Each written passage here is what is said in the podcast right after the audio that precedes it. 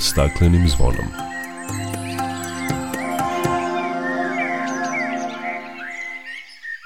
Dobar dan i dobrodošli na Zeleni talas prvog programa radija Radio Televizije Vojvodine. Ja sam Dragana Ratković.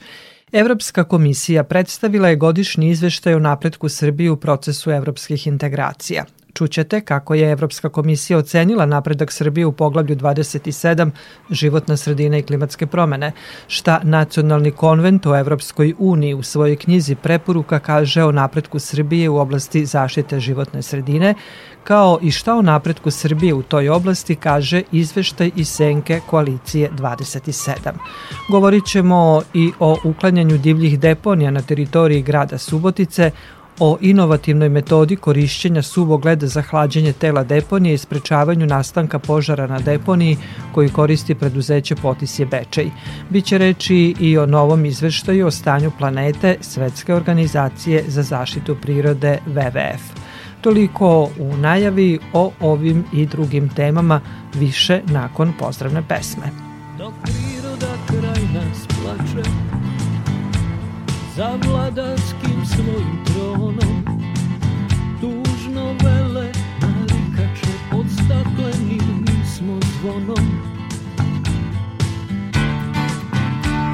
Znaj vazduha više nema. Sve manje je i ozona.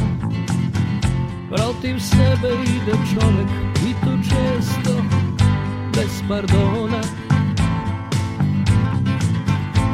Uništenju živog sveta Kao da su ljudi skloni. Čovek sam je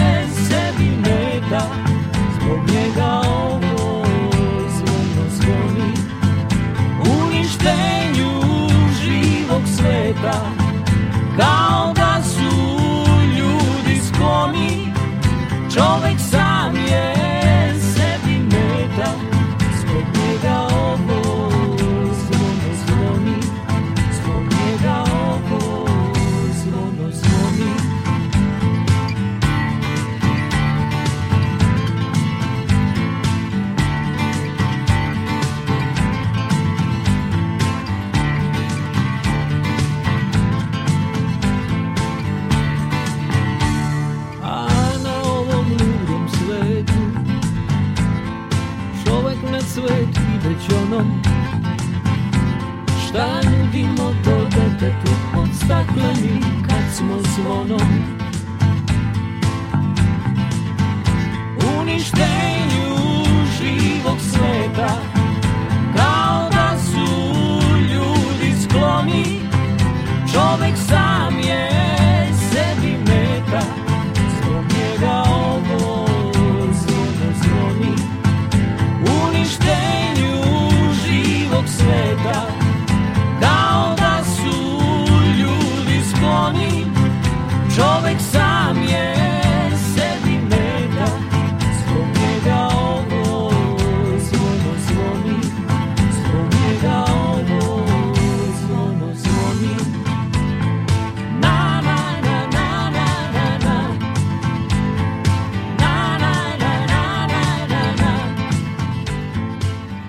Evropska komisija u Briselu je predstavila novi izveštaj o napretku Srbije u evropskim integracijama. Šef delegacije Evropske unije u Srbiji Emanuel Giofre, predsednik u Srbiji Aleksandru Vučiću predao izveštaj Evropske komisije, a dan posle sastao se i sa predstavnicima Nacionalnog konventa o Evropskoj uniji. Tim povodom sa nama koordinatorka radne grupe e, za poglavlje 27 u Nacionalnom konventu Nataša Đerek. Nataša, dobar dan i dobrodošli na Talasa Radio Novog Sada. Dobar dan, pozdrav svim slušalcima. Nataša, mnogo se govorilo o tome u kojim oblastima Srbija ima ili nema napretka, ali niko nije spomenuo životnu sredinu i poglavlje 27, odnosno klaster 4 u kojem se nalazi. Recite nam kako je Evropska komisija ocenila napredak Srbije u oblasti zaštite životne sredine i klimatskih promena, dakle u poglavlju 27? Pa tu je ocenila kao da i skoro pomaka nema. Mislim da je jako malo urađeno u odnosu na ono šta se očekivalo i godinama već unazad imamo iste preporuke i mi e, u Nacionalnom konventu i sama Evropska komisija kroz svoj izveštaj o progresu ponavljaju se konstantno glavne preporuke, zamerke Srbiji u svim pojedinačnim oblastima, znači horizontalno zakonodavstvo, kvalitet vazduha, upravljanje otpadom, kvalitet voda, upravljanje znači vodama, industrijsko zagađenje, procena rizika od industrijskog zagađenja, buka i klimatske promene naravno i zaštita prirode. Svim tim oblastima je vrlo malo pomaka bilo, bilo je nešto pozitivno, usvojili smo znači zakon o klimatskim promenama, mada samo dva od 12 podzakonskih akata smo usvojili da bi se taj zakon i primenjivao. Neke stvari jesmo uradili na papiru, ali u svim oblastima generalno imamo veliki problema sa sprovođenjem onoga što je usvojeno i imamo problema da administrativno potkrepimo to sa inspekcijskim nadzorima, sa jednom čvrstom rukom, da tako kažem, koja bi sve to vodila. I što je istaknuto u ovom izveštaju, evo ja baš sam analizirala, Evropska komisija je ovog puta eksplicitno navela da imamo problem sa strateškim planiranjem i upravljanjem investicijama. Pohvalno je što su nam investicije veće ove godine za životnu sredinu i prošle su bile veće odnosu na prethodnu, ali, na primer, problematično je što su to netransparentni projekti i procedure za projekat Čista Srbija. Vrlo malo se znaju detalji, tako da i to navedeno u izveštaju Evropska komisija ipak navela da, da je to potrebno promeniti i u buduće. A šta je dato kao preporuka da bi napredovali, imali veći napredak u ovoj oblasti? Glavna preporuka je naravno podizanje administrativnih kapaciteta kao najneophodnije, a u klimatskim promenama naravno oslanjanje na parijski dokument. Srbija sada trenutno izrađuje nacionalni plan za klimu i energiju preporuka Evropske komisije da uspostavi Srbija zadnji datum kao deadline kada će da ukine ugalj, ugalj kao fosilno gorivo. I to je isto deo tog klimatskog nacionalnog plana koji se izrađuje i tu su znači glavne preporuke da se e, Srbija uskladi sa e, onim što je usvojeno u Evropskoj uniji i energetskoj zajednici, znači kao zelena agenda isto ciljevi Evropske unije u, u tome da se diverzifikuju energetski izvori, da se razvije obnovljivi izvori energije mnogo više, da se smanji energetski intenzitet koji je među najvećima ono u regionu i jednostavno jedno malo odlučnije kretanje prema svemu tome, to je glavna preporuka za Srbiju. Misija Nacionalnog konventa Evropskoj unije između ostalog da prati, analizira i ocenjuje napredok u procesu pristupanja Srbije Evropskoj uniji. Od 2014. Nacionalni konvent u Evropskoj uniji objavljuje knjigu preporuka, tako je objavljena istovremeno nekako i sa izveštajem Evropske komisije i ova knjiga. Dakle, ona sadrži prikaz ostvarenog napretka po svim poglavljima tokom 2021. godine, ali i preporuke za dalji napredak u ostvarivanju evropskih standarda. Kakva je je ocena nacionalnog konventa o napretku Srbije u poglavlju 27 životna sredina i klimatske promene? Pa naša ocena je da je pozitivno što je otvoren klaster u kojem je ovo poglavlje i što smo e, zajedno u tom klasteru jel da i sa poglavljem o energetici i saobraćaju tako da integrišemo konačno te oblasti. Glavne preporuke kažem godinama su iste, dosta se ne donose zakoni koji bi trebali i strateški dokumenti ko što je na primer plan upravljanja vodama koji treba da je do 2027 i dalje nemamo ni prostorni plan Srbije e, usvojen i tako da smo u nekakvom, da kažem, malo i vakuumu što se nekih projekata konkretnih implementacije tiče. Ne znamo sad šta je, onaj stari je istekao, novi nije usvojen. Istakli smo takođe i ove proteste koji su se dešavali i oko litijuma i oko drugi stvari, zagađenosti na pojedinim mestima i vazduha i voda i neadekvatnog zbrinjavanja otpada. Znači to su sve problemi koji nas već prate godinama i naše preporuke su stalno usmerene na to da civilno društvo više uključi u dijalog u razgovor i sa nadležnim ministarstvima. Mi sad tu nemamo samo ministarstvo životne sredine, imamo i ministarstvo infrastrukture koje je zaduženo za te komunalne projekte. Imamo ministarstvo financija koje u stvari određuje da li će da da novac za neke projekte i imamo preporuke za prosto implementaciju svih ovih horizontalnih zakona koji su procedure učešća javnosti u procesima donošenja odluka, procena uticaja na životnu sredinu, strateške procene uticaja koje su obavezne za sve planove i programe i strategije koje daju okvir za ove pojedinačne E, znači procene uticaja i, i projekte koji se rade. Tu imamo i dalje problem, imamo problem sa integrisanim dozvolama za zagađivače, je tako, gde smo prošle godine odložili primenu e, zakona o integrisanom sprečavanju zagađenja do 2024. I bojim se da li prostora da, da se do tada stvari ne promene u željenom smeru. Objavljeni su i benchmarkovi za ovo poglavlje, to su merila za zatvaranje ovog poglavlja. Da li je to u izveštaju Evropske komisije? To nije u izveštaju, ali, ali postoji, dostupno je javnosti. Nisu nešto specifični, samo su okvirni, ali ja sam ih uporedila sa onim što izveštaj isto traži. I izveštaj i, i benchmarkovi govore isto. Znači plan a, poboljšanja administrativnih kapaciteta na svim nivoima, lokalnim, pokrajinskom nivou, e, republičkom, usklađivanje sa horizontalnim tim direktivama gde je u stvari i važno pristup pravosuđu i, i učešće pravosuđa i da se radi ta jedan poseban monitoring krivičnih dela u oblasti zaštite životne sredine i tako dalje. Znači imamo imamo i te benchmarkove sada i možemo i da pratimo gde smo i kada ćemo u stvari biti spremni da zatvorimo ovo poglavlje. Dakle, opšta ocena i Evropske komisije i nacionalnog konventa u Evropskoj uniji kada je reč o poglavlju 27 je dakle mnogo više rada i angažovanja u ovoj oblasti da bismo napravili bilo kakav napredak. Da, kratko to je mnogo, mnogo više potrebno. Nataša, hvala vam lepo za razgovor i učešću u programu Radija Novog Sada. Hvala vama, Dragana, prijatno.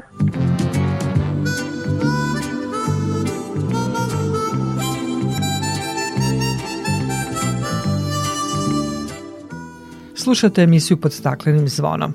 O napretku naše zemlje u poglavlju 27 govori i izveštaj Senke koalicije 27 simbolično nazvan Korak napred nazad 2 Izveštaj obuhvata period od januara 2021. do marta 2022. godine.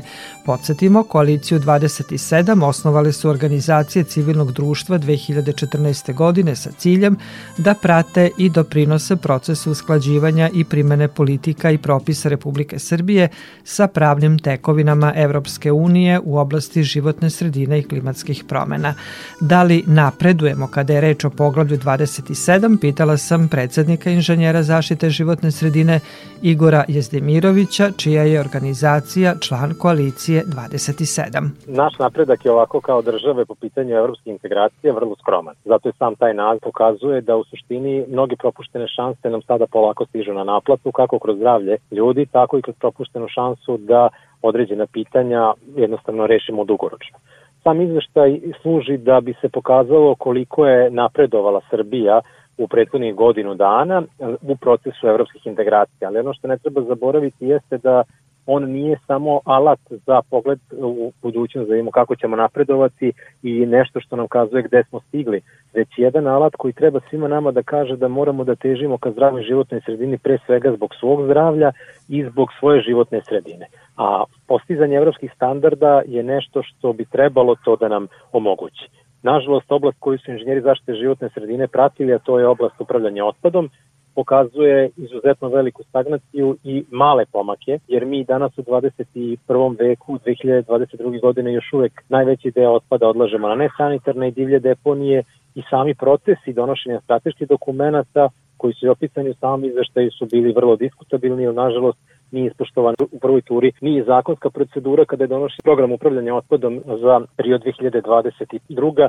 2024. pa onda on mora biti ponovljen da bi opet bio stavljen, ali ovaj put u drugom vremenskom periodu, a to je 22. 32. Tako da je to jedan od očitih primjera gde je postojala, ne, da kažemo, nedoslednost u onome što se radi i to je opisano izveštaj. Pored same oblasti upravljanja otpadom, i druge oblasti koje obuhvata poglavlje 27 koje se sad po najnovije ove metodologiji nalazi u toj celoj grupaciji 4 gde se nalazi druga poglavlja je pokazalo da je napredak vrlo skroman. Neki od napredaka s kojima može da se pohvali jeste u delu zaštite prirode, dok su ostali oblasti napredka vrlo slabe. Ono što bi opet se vratio na oblast upravljanja otpadom se pokazalo kao izuzetno problematično jeste i povećanje broja požara na deponijama koje su posledica jednog dugoročnog nezanemerivanja ovoga pitanja sa jedne strane i s druge strane posledica su sve većih, da kažemo, klimatskih promena i temperatura koje se javljaju. E, šta se navodi kao najčešći uzrok za tako slab napredak u oblasti zaštite životne sredine? Pa jedan od uzroka jeste pre svega apsolutno nezainteresovanost donosioca odluka da se, da kažem, manje više ono što je donato isprovede. Znači imamo situaciju da životna sredina vrlo često ne može da se politički naplati u jednom mandatu niti u pola mandata, jer ona traži jedan dugoročni proces koji će dugoročno da donese pozitivne efekte. I onda to našim donosiocima odluka apsolutno nije interesantno, a pored toga vrlo su skloni postavljanju nestručnih lica. Tako da vrlo često imamo na pozicijama lica koja iskoriste prvi deo mandata da se upoznaju sa oblastima, u kojima su nadležni, a onda te kada treba nešto možda i da probaju da urade, onda je isto diskutabilno koliko će ti potezi biti adekvatni s obzirom da je to apsolutno nova oblast za njih. Čuli smo gde imamo mali napredak, to ste, spomenuli ste zaštitu prirode, a gde najviše nazadujemo, gde su ta dva koraka nazad? Pa ja mislim da u svakoj oblasti imamo ideo koji se tiče ovaj koraka nazad, pogotovo što se tiče šuma, velike degradacije šuma i sečenja šuma, što je posebno vezano sada sa ovom energetskom krizom koja nam dolazi. U otpadu smo isto katastrofalni, znači u tom delu horizontalnog zakonodavstva koje prati u suštini učešće javnosti, vidimo i sami da se učešće organizacije civilnog društva se više posmatra neprijateljski i to nešto što ne sme da se dozvoli, kao što mi životna sredina ne poznaje granice, niti pripada nekome, ona pripada svima nama i moramo svi zajedno se boriti za njeno bolje stanje. Novinu u ovogodišnjem izveštaju predstavlja odeljak zelene karte.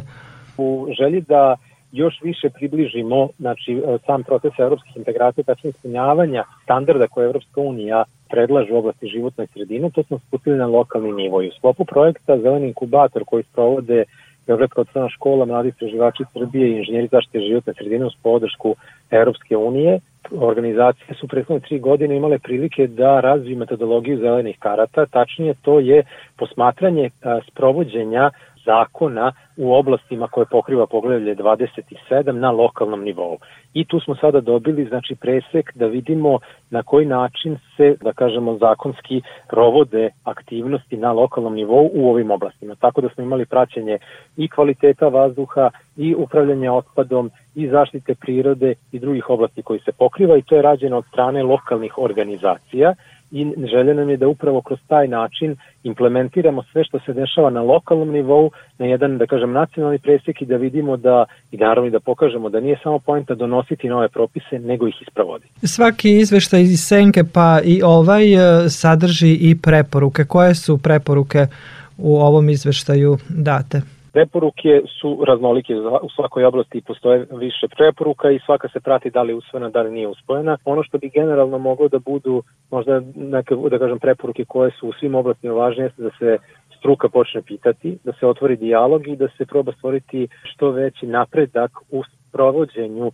zakonskih rešenja. Date su tačno zakonska rešenja gde postoje rupe koje bi trebalo da se nadopune, ali ono što jeste ključ jeste uključivanje stručnih ljudi u procese donošenja odluka. Igore, hvala lepo za razgovor i učešću u programu. Hvala i vama.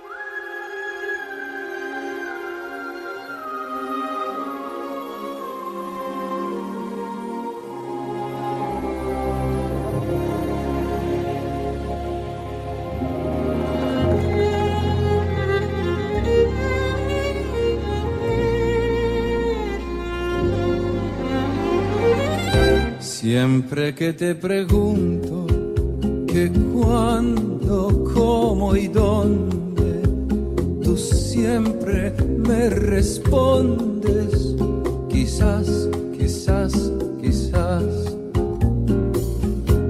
Y así pasan los días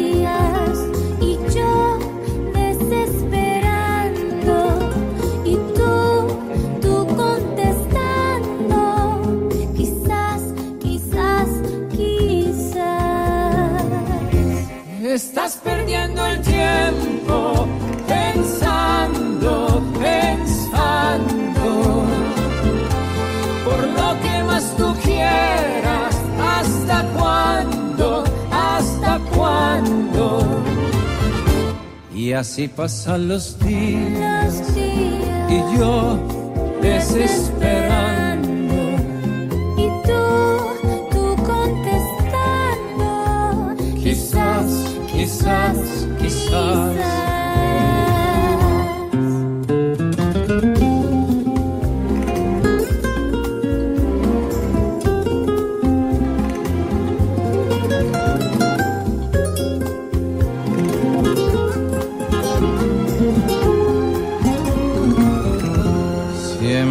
Que te pregunto Siempre que me que preguntas cuándo, cómo que y cuándo, dónde, cómo y dónde, amor. tú siempre me respondes. Quizás, quizás, quizás. Estás perdiendo el tiempo pensando,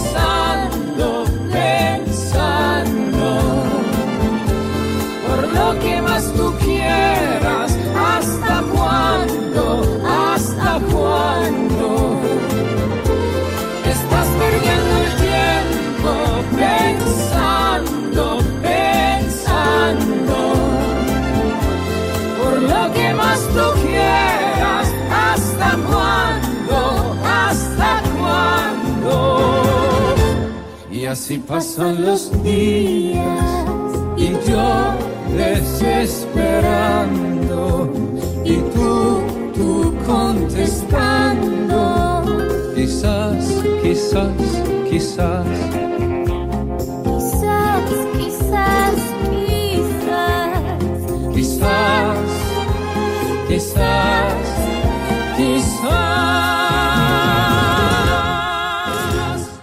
Slušate emisiju pod staklenim zvonom. U toku ove godine na teritoriji grada Subotice će biti sanirano ukupno osam divljih deponija. Novac za ove namene obezbeđen je kako iz gradskog, tako i iz budžeta pokrajine i republike. Do kraja ovog meseca biće sanirane divlje deponije u selima Đurđin i Mišićevo, sa kojih će biti uklonjeno više od stotinu tona otpada.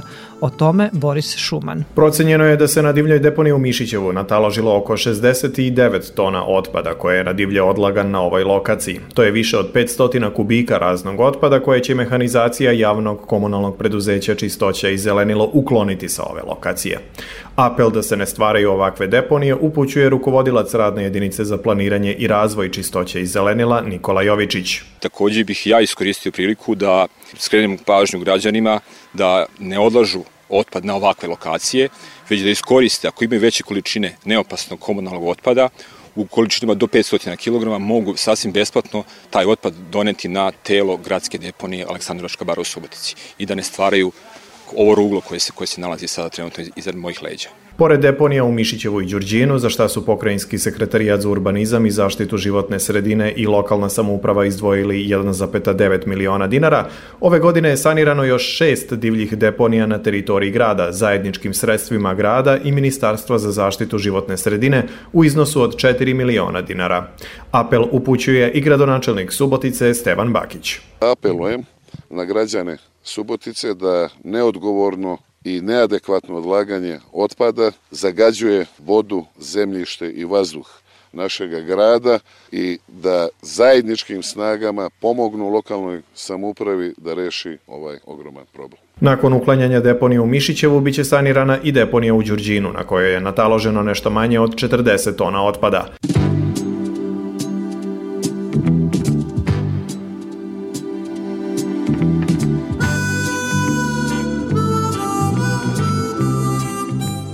U Srbiji imamo oko 3.500 divljih deponija. Jedne se čiste, a druge ponovo niču. Na njima se odlaže komunalni otpad koji u sebi sadrži razne materijale, plastiku, staklo, metale, papir, organske materije. Ovaj organski deo otpada, kada se nađe u dubljim slojevima deponije, podleže anaerobnom razlaganju pod dejstvom mikroba i dolazi do izdvajanja metana. Kada su visoke temperature, svi drugi otpadni materijali koji se na površini nalaze, kao što su staklo ili metan, na primer, se brzo ugreju i vrlo lako se metan koji izlazi iz unutrašnjosti deponije upali, kao i ostali gorući materijali. Požari na deponijama dovode do zagađenja vazduha, oslobađaju se veoma otrovne substance koje su kancerogene, mutagene, štetne po zdravlje, ali i životnu sredinu. Gašenjem požara otrovi sa deponija mogu dospeti u podzemne vode, a štetni efekti se javljaju sa godinama zakašnjenja. U cilju hlađenja tela deponije i sprečavanja nastanka požara, preduzeće Potisje Bečej, jedino u našoj zemlji, a kako kažu i šire, primenjuje inovativnu metodu ubacivanja suvog leda u sistem za ekstrakciju deponijskih gasova, odnosno biotrnove, kako ne bi došlo do paljenja deponije. To se pokazalo kao veoma efikasno, kaže za našu emisiju direktor Zoltan Feješ. Mi smo krenuli nekim drugim putem, ne da idemo da gasimo požare, nego se bavimo prevencijom. I prevencija puno košta, ali kada su mnogi pitali koliko košta prevencija, šta mi radimo, to je sto puta manje nego što će vas koštati kad vam se upali deponije da je ugasite bez one dodatne štete što imate na okolinu sa gasovima, sa dimom, sa curenjem vode kada gasite depon i tako dalje. Mi smo u saradnji sa Linde Gasom iz Bečeja krenuli sa jednim projektom koji je sad u nas, koji se sad realizuje već par godina, kroz biotrnove, to su oni gazatori cevi na deponiji, ubacujemo suvi led u telo deponije, na taj način hladimo deponiju, ugljen dioksid se širi dole u telu deponije, zaustavlja svaki požar u začetku zato što oduzima kiseonik. Kad imate ugljen dioksid nema gorenja. Može da, da nam objasnite da. samo šta je suvi led? Suvi led je ugljen dioksid u ledenom stanju. Ugljen dioksid postoji u tri agregatna stanja. Jedno je suvi led, on ima temperaturu minus 78 stepeni, koristi se i u prehrambenoj industriji za ono brzo zamrzavanje malina, dobijete kvalitetnije zamrzavanje. Drugo stanje mu je tečno stanje i treće gasovito stanje. Za hlađenje deponija bilo bi moguće ubacivati tečni dioksid kroz cevi, kroz pritisak, to bi još bolji efekat imao, ali je problem da se ta njihova specijalna vozila, te cisterne popnu gore na deponiju, da se razvuku cevi, da mogu to da ubace. Drugo, te cevi, biotrnove koje mi imamo, ti degazatori, ne mogu da izdrže pritisak da se pod pritiskom bacuje. Znači, sve to još u eksperimentalnoj fazi, kako će se uraditi. Ali sa ovim što mi radimo sa merama prevencije mogu da se pohvalim da za poslednjih sedam godina u okolini jedino Bečejska deponija nije gorila. Mi smo sada imali incident jedan 6. septembra nam se upalio podzemni požar na obodu deponije, na najsunčanijem delu, znate da su velike vrućine ovog leta bile. Mi smo zadnji put suvi led ubacivali 28. augusta i praktikujemo to na dva meseca jer vršimo termalno snimanje pa gledamo kako nismo mislili da će tako naglo da, da, da se razviju temperature. Naša deponija ima oko 7 hektara, a požar je bio podzemni na površini od 10 kvadratnih metara, da razumete šta je, i uspeli smo da ga ugasimo korišćenjem suvog leda za dva dana. Probalo se prvo bez subogleda samo sa vatrogasima i za dva dana je ugašen sa ukupnom količinom od 1500 kg suvog leda što smo iskoristili. Tako da pokazuje rezultate. Sada Linde Gas i njihova firma, matična firma u Nemačkoj, prave laboratorijske analize kako sve može da se koristi i njima novina bila da neko hoće da koristi zaštitu životne sredine ugljen dioksid ili suvi led ili u tešnom stanju zavisnosti na kojim deponijama gde kako može da se koristi. Dakle, to je inovativna metoda koja kod da. nas još nigde nije primenjena. Ne kod nas, nego nije nigde još primenjena u istočnoj Evropi. Mi smo prvi pioniri koji su to počeli, došli smo do neke ideje, krenuli sa tim da radimo i evo sad razvijemo dalje. Nažalost, ovaj mali požar u septembru mesecu je pokazao da ima veliku efikasnost kod gašenja požara. I je osnovna naša zamisla bila da to koristimo preventivno, kao prevenciju, a ne kao represiju kad se upali požar pa da se gasi. A oni sada rade i na tome laboratorijski ispitivanje kako će taj ugljen dioksid, suvi led ili tečni led reagovati kad dođe na jako visoke temperature, kad se direktno baci na požar ili da se upumpa na požar, da se tako koristi. Normalno moraju da laboratorijski provere kako se pretvara iz tečnog ili iz tog čvrstog stanja na jako visokim temperaturama šta se dešava, da ne bi napravili veću štetu, ne dođe do recimo eksplozije, da se velika količina gasa stvori, jer normalno da jednu zapremenu zadržava taj led kad je zamrznut, ugljen dioksida, a druga je zapremena kad je u gasovitom stanju. Koju budućnost ima deponija u Bečeju? Pa deponija u Bečeju će najkasnije za godinu dana biti zatvorena, pošto je to nesanitarna deponija i mi pripremamo već određene mere za nošenje našeg smeća iz opštine Bečej na sanitarnu regionalnu deponiju Kikindu. Tako da radimo na tome da napravimo pretovarnu stanicu. Mi sada već vršimo primarnu selekciju, znači ambalažnog otpada. Svim domaćinstvima u Bečeju omogućeno imaju dve kante, faktički kantu za suvo i mokro smeće, tako da su postavljeni žuti kontejneri na 50 metara od domaćinstava i svi građani imaju mogućnost da odlažu tamo sekundarne sirovine. Ozbiljno to radimo, povećavaju se količine sekundarnih sirovina, mi smo to krenuli pre četiri godine, sada već godinu dana ima kako su sva domaćinstva 100% pokrivena sa tim kontejnerima za primarnu selekciju i planiramo da krenemo i sa trećom kantom za biorazgradljivi otpad. Znači građani dobro reaguju? Građani dobro reaguju, prihvatili su, normalno imate svugde građan koji se izuzetno trude to da rade, imate neodgovornih tako do tih naših 800 kontejnera samo poslednjih godinu dana su nam ukrali negde oko 15 kontejnera negde oko 20 i nešto je bilo oštećeno koje smo uspeli da opreme, smo nabavili, kupili smo i aparat za varanje plastike, tako da ono što možemo da opremimo, opremimo. Bilo i palenja da ubacimo unutra u kontejner gde, gde vam je pet, gde je folije, gde je karton i papir, mimo stakla i limenke, da ubace unutra papire, da namerno upale neodgovorni. Ali dobro, to je sastavni deo posla, morate se boriti i raditi dalje. Tako da, kako nam upale kontejner, mi ga zamenimo, kako ukradu kontejner, stavimo novi, samo ne možemo to do besvesti, jednom se mora stati i tome na kraju. Zatekli smo vozni park star 19,5 godina, mi sada imamo kompletno sva vozila zamenjena, nova vozila, to smo kupili zadnjih 7 godina pet novih kamiona, sad nam stiže šesti kamion do kraja ove kalendarske godine, dodatno opreme, napravili smo halu da vršimo baliranje, presuvanje, odvajanje tih sekundarnih sirovina. Mi od lokalne samuprave ne dobijemo ništa, ali zato se trudimo da povećavamo procenat naplate i građani su zadovoljni našom uslugom, pa se i građani trude da naplaćaju. U Bečaju komunalne usluge odnošenja smeća mi imamo procenat naplate od 98%. Ja ne verujem da ima još neko preduzeće u Srbiji koje ima toliki procenat naplate. Znači može se? Može se, samo treba puno raditi. Puno treba raditi i nije lako, ali se može. Možemo reći opština Beči primjer dobre prakse kako upravljati otpadom. Ne bi baš toliko da kažem da je tako, ali se trudim. Cilj nam je da budemo najbolji, pa vidjet ćemo, ćemo li uspeti to. Da, vrlo ste skromni. Hvala vam lepo za razgovor. Hvala i vama. L'amore come un condor scenderà Il mio cuore colpirà se ne andrà. Mm. La luna nel deserto fiorirà, tu verrai,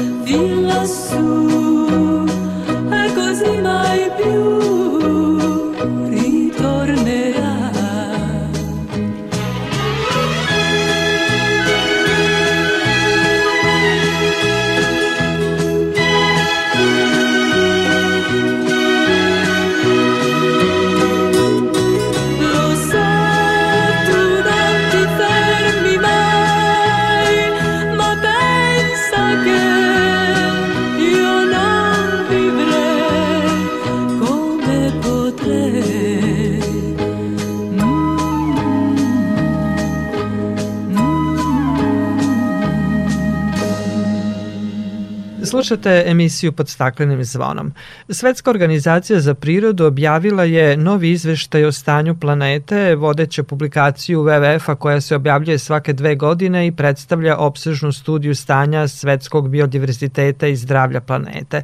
O tome šta sadrži novi izveštaj o stanju planete, šta kažu istraživanje i koje preporuke su date za očuvanje zdravlja planete, čućemo više od programskog saradnika u WWF Adria u kancelariji u Beogradu Gorana Sekulića koji je na telefonskoj liniji. Gorane, dobrodošli na Telasa Radio Novog Sada. Dobar dan, bolje vas našao. Izveštaj o stanju planete za ovu godinu opsežna je studija o trendovima u globalnom biodiverzitetu i zdravlju planete. Šta on pokazuje, u kakvom je zdravstvenom stanju naša planeta? Pa nažalost i, ovaj izveštaj kao i, i nekoliko prethodnih pokazuje dalje taj negativan trend i u suštini da imamo krizu biodiverziteta kako se to naglašava u izveštaju.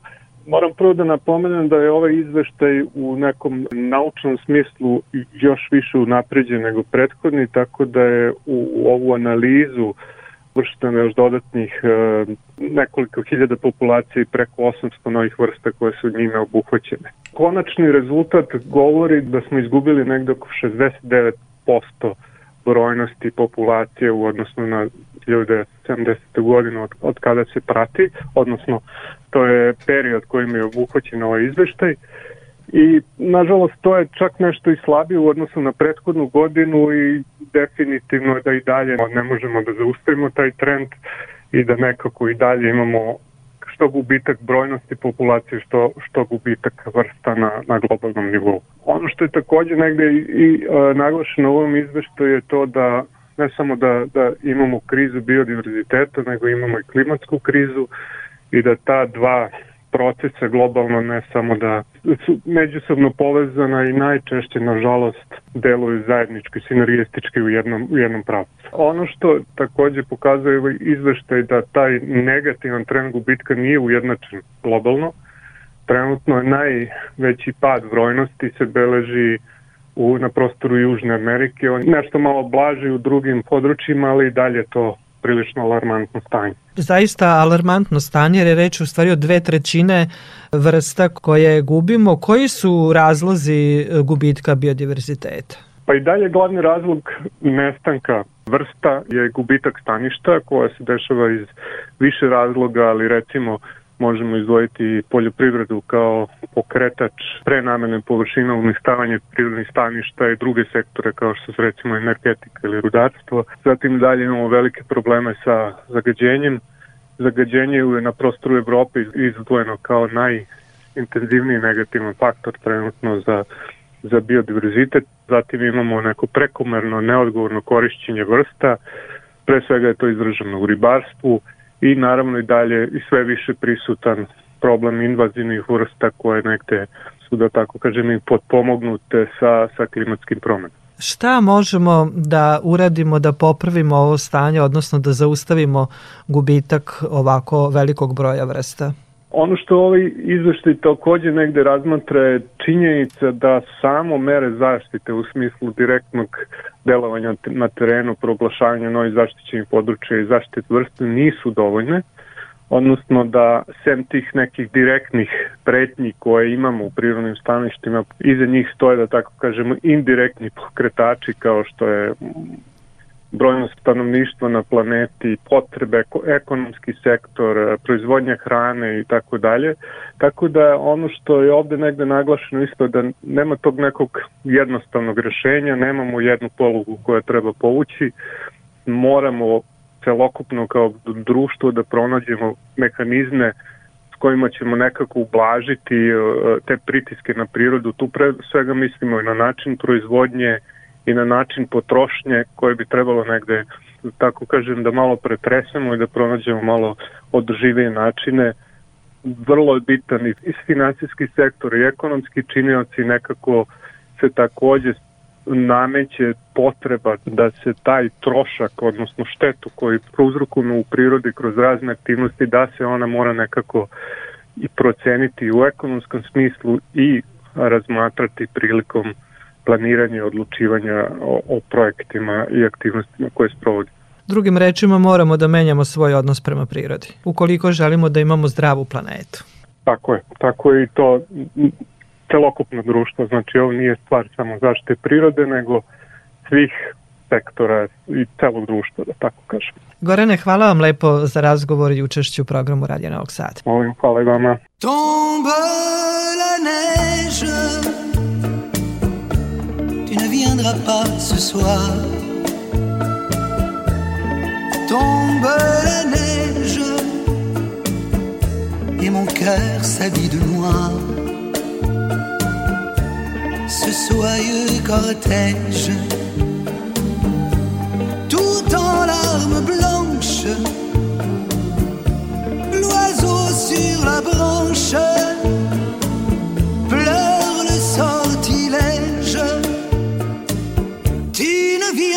pas ce soir.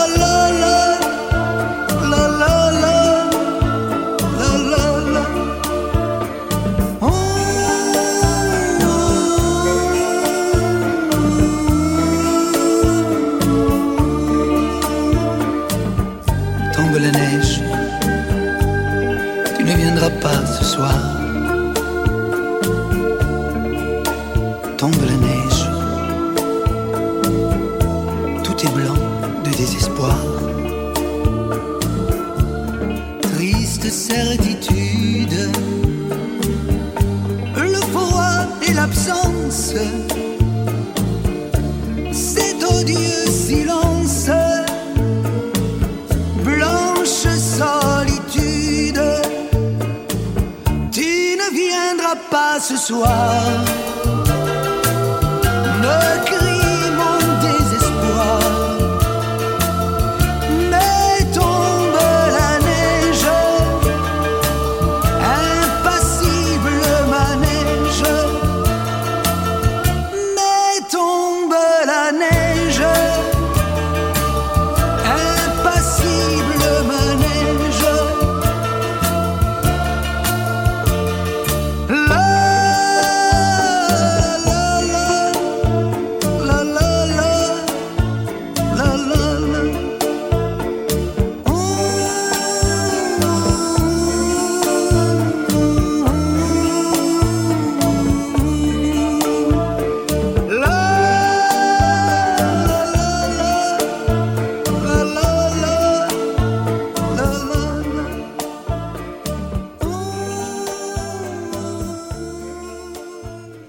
Slušate emisiju pod staklenim zvonom. Poslednjih nekoliko godina imali smo pravu invaziju smrdi buba. Da li su bube koje svake jeseni pokušavaju, a i uspevaju da nam uđu u domove, smrdljivi martin ili neka druga vrsta? U narednim minutima saznaćemo nešto više o insektima kojima se baš i ne radujemo. Više o tome Mirjana Damjanović-Vučković. Početkom oktobra sa prvim danima hladnijeg vremena nasrću nam na prozore, a čujemo ih i dok kruže oko sijalica. O njima znamo da smrde, pa ih tako i zovemo, smrdi bube. Ima ih više vrsta, a najmanje nas napada domaći smrdljivi Martin, kaže za naš radio profesor dr. Zorana Banovački, rukovodilac zoološke zbirke Departmana za biologiju i ekologiju Prirodno-matematičkog fakulteta u Novom Sadu. Ove bube koje takođe imaju neprijetan miris, pripadaju istoj grupi kao i, recimo to tako, naši smrdljivi martini, ali to nažalost uopšte nije ista vrsta. Insekti koje srećemo našim domovima pripadaju vrsti koja se zove brown mramorasta stenica. Poreklom je iz Azije i predstavlja jednu od ozbiljnih invazivnih vrsta insekata na našoj planeti. Invazivni insekti su oni insekti koji su, zahvaljujući aktivnošću ljudi, dospeli na prostore gde inače nisu postojali. Za sve invazivne vrste karakteristična ogromna potencijal razmnožavanja i nedostatak, naravno, prirodnih neprijatelja, tako da je ovaj, recimo to tako, strani smrdljivi martin ili bravo mramorasta stenica ono što nama pravi problema, što nam upada u oči i što ulazi u naše stanove u najvećem broju tokom ovih jesenjih dana. I moram reći da sem te brown mramoraste stenice još jedna invazivna vrsta naseljava naše prostore u poslednjih deseta godina, to je ta zelena lisna stenica, takođe neprijetnog mirisa, koju opet svi zajedno mešamo sa nama poznatim smrtljivim martinima.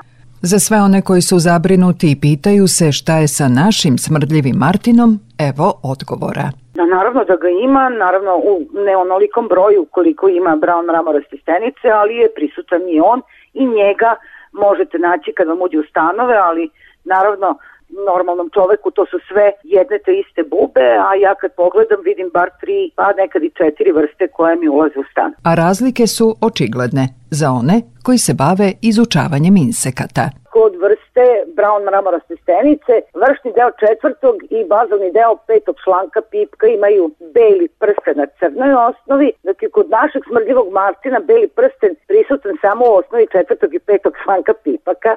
To bi vam naravno bilo prvo, drugo glava brown mramoraste stenice gotovo četvrtaste kao mali pravougaonik.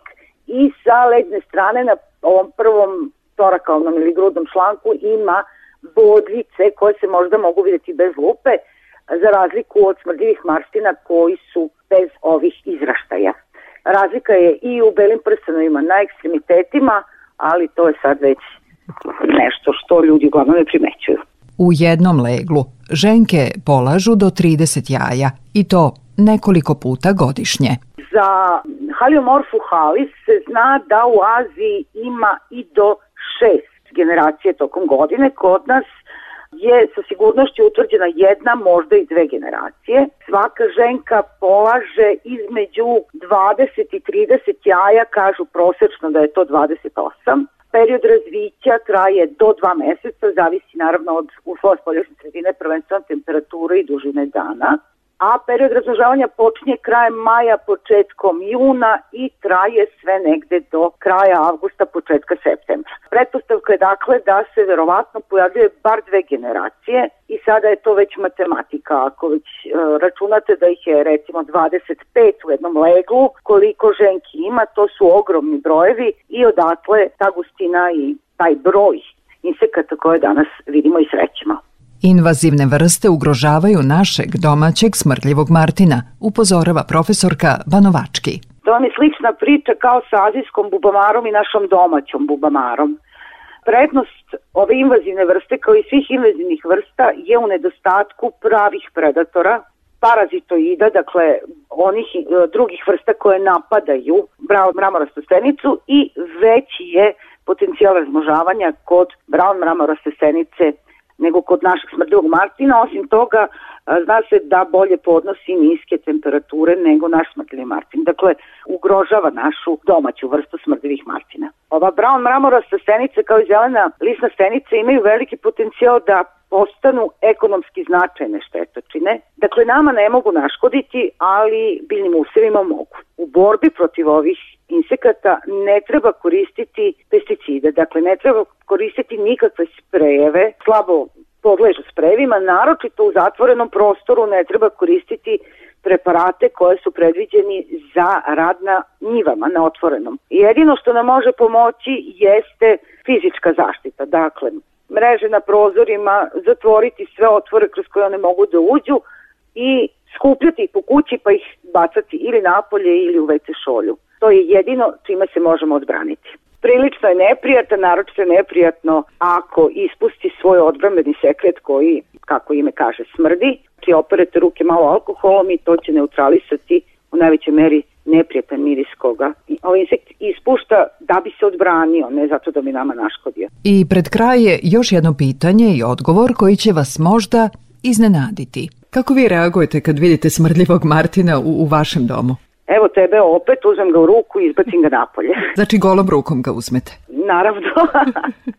Ljudi to baš ne vole, mogu da koriste recimo WC papir da bi uzeli smrdljivog Martina, ali on vam stvarno ne može ništa niti želi da vam uradi ništa, on samo želi da pronađe mesto gde će da prezimi i ništa drugo. Zahvaljujući rukovodiocu zoološke zbirke Departmana za biologiju i ekologiju Prirodno-matematičkog fakulteta u Novom Sadu, profesoru doktoru Zorani Banovački, sada imamo malo, ako ne lepši, onda bar drugačiji pogled na bube koje zovemo smrdi bube ili smrtljivi Martin.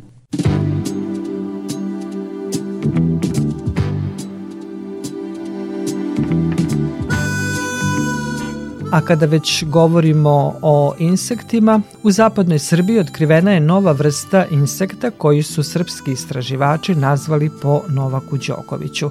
U pitanju je specijalizovani slepi podzemni tvrdokrilac iz porodice trčuljaka koji je pronađen u jednoj jami u blizini Ljubovije. Kako je saopštio Biološki fakultet, novu vrstu za nauku su opisali profesor dr. Srećko Ćurčić i dr. Nikola Vesović sa Univerziteta u Beogradu Biološkog fakulteta, kao i entomolog i biospelolog Dragan Pavićević iz Beograda. Tipske primerke ove vrste sakupili su biospeleolozi Miloš Kurajica, koji je takođe jedan od autora ovog naučnog rada, kao i dr. Ivan Njunjić. Autori su našli sličnost između nove vrste insekata za nauku i Novaka Đokovića na osnovu nekoliko zajedničkih osobina, brzine, snage, istrajnosti, elastičnosti i sposobnosti da opstaje u surovom okruženju. Inače, nova vrsta insekta nije prva vrsta životinja koja je nazvana po Novaku Đokoviću. Nedavno je opisana nova slatkovodna vrsta puževa za nauku iz Crne Gore koja je nazvana Travunijana Đoković.